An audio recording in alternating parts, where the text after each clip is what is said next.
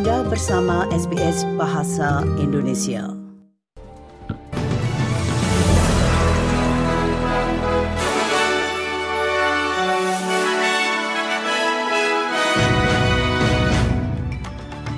Warta berita SBS Audio untuk hari Jumat tanggal 2 Februari. Sari berita penting hari ini, pemerintah federal memanfaatkan oposisi yang belum memiliki posisi formal dalam revisi pemotongan pajak tahap ketiga. Polisi tidak menemukan bukti adanya nyanyian antisemit pada unjuk rasa pro-Palestina di Sydney. Dan dalam olahraga, rencana Sokrus batasi ruang gerak pemain unggul Korea Selatan di perempat final Piala Asia malam ini. Berita selengkapnya. Bendahara Federal James Chalmers mengkritik oposisi karena tidak memberikan dukungan tanpa syarat terhadap revisi pemotongan pajak tahap 3 yang direvisi pemerintah. Pemimpin oposisi Peter Dutton tidak akan berkomitmen penuh mengenai pemotongan pajak sampai parlemen kembali beroperasi minggu depan. Uh, they know what these tax cuts are all about. We've made the detail very clear. Uh, we've been explaining why we've come to a different and better position. Uh, we've been upfront about what it means for workers, uh, and they should stop stuffing around and stumbling around looking. Sementara itu, sebuah organisasi besar Yahudi mengatakan mereka mendukung klaim bahwa frasa antisemit digunakan pada demonstrasi pro-Palestina di tangga gedung opera Sydney. Polisi New South Wales mengatakan seorang ahli independen telah menyimpulkan dengan kepastian yang luar biasa bahwa rekaman pengunjuk rasa yang diduga meneriakkan gas orang Yahudi diberi judul yang salah, namun menerima bukti bahwa ada penggunaan frasa ofensif dan antisemit lainnya. Alex Rifkin, co-chief eksekutif Dewan Eksekutif Yahudi Australia mengatakan bahwa dia tetap berpegang pada keterangan aslinya. The announcement by the police this morning changes little. We've all seen the video footage, we've heard the audio, and in addition to it, there are multiple statements, sworn statements given by eyewitnesses Australia dan Selandia Baru telah mengadakan pembicaraan keamanan untuk menciptakan militer Trans-Tasman yang mulus. Pertemuan perdana para Menteri Luar Negeri dan Pertahanan Trans-Tasman berlangsung di Melbourne kemarin hari Kamis dengan para pemimpin membuat serangkaian komitmen untuk mendekatkan sekutu ANZAC.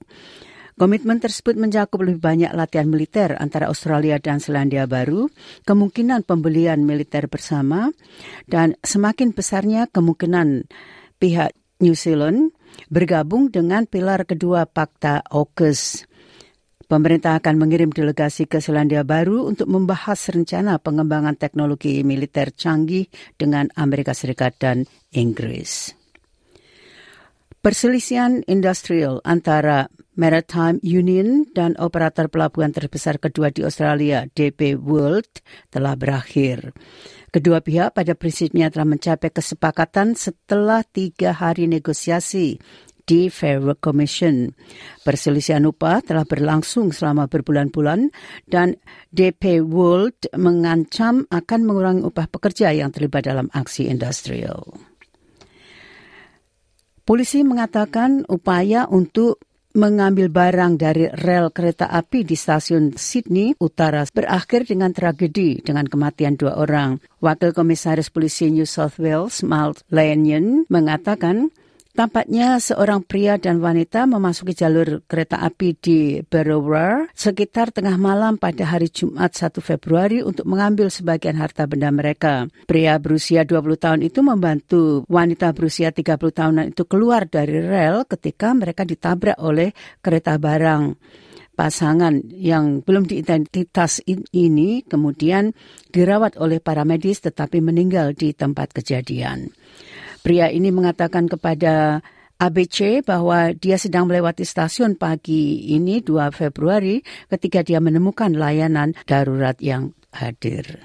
I noticed the car park, both ends of Barawa Station car park were blocked. Multiple police cars and a fire engine was in the car park.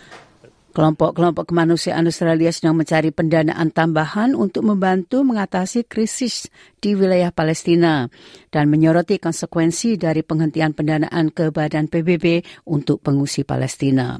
Dalam suratnya kepada Perdana Menteri dan Menteri Luar Negeri, Dewan Pembangunan Internasional Australia yang dikenal dengan ACFID menyerukan tambahan bantuan kemanusiaan senilai 100 juta dolar untuk Gaza dan tepi barat. It is simply not tenable uh, to cease funding right now. Must, that suspension must be immediately lifted because otherwise there will be a complete collapse of all humanitarian assistance to 2.2 million people.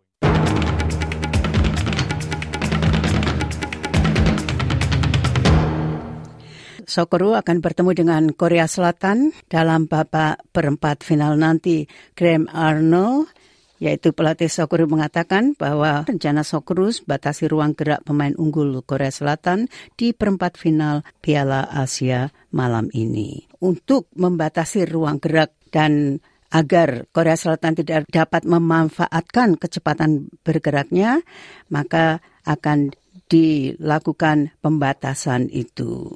Uh, that's our intent is to be in their faces for 90 minutes and put pressure on them and And uh, obviously, one of their strengths is their technique, and to take away their, their technical side of things, the way of doing that is, is, is pressuring.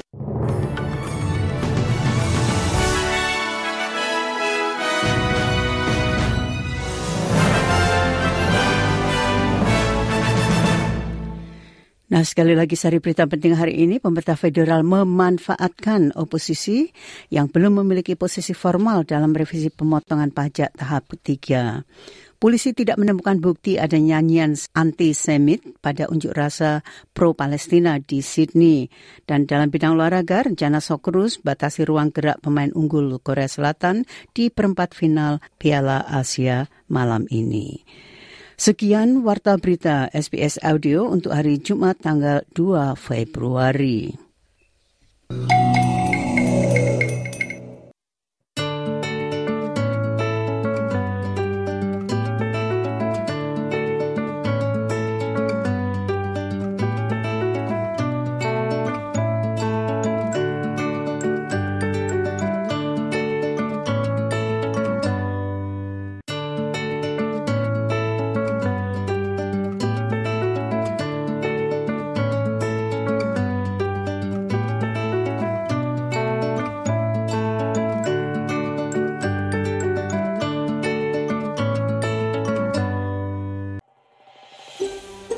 Anda ingin mendengar cerita-cerita seperti ini? Dengarkan di Apple Podcast, Google Podcast, Spotify, atau di mana pun Anda mendapatkan podcast Anda.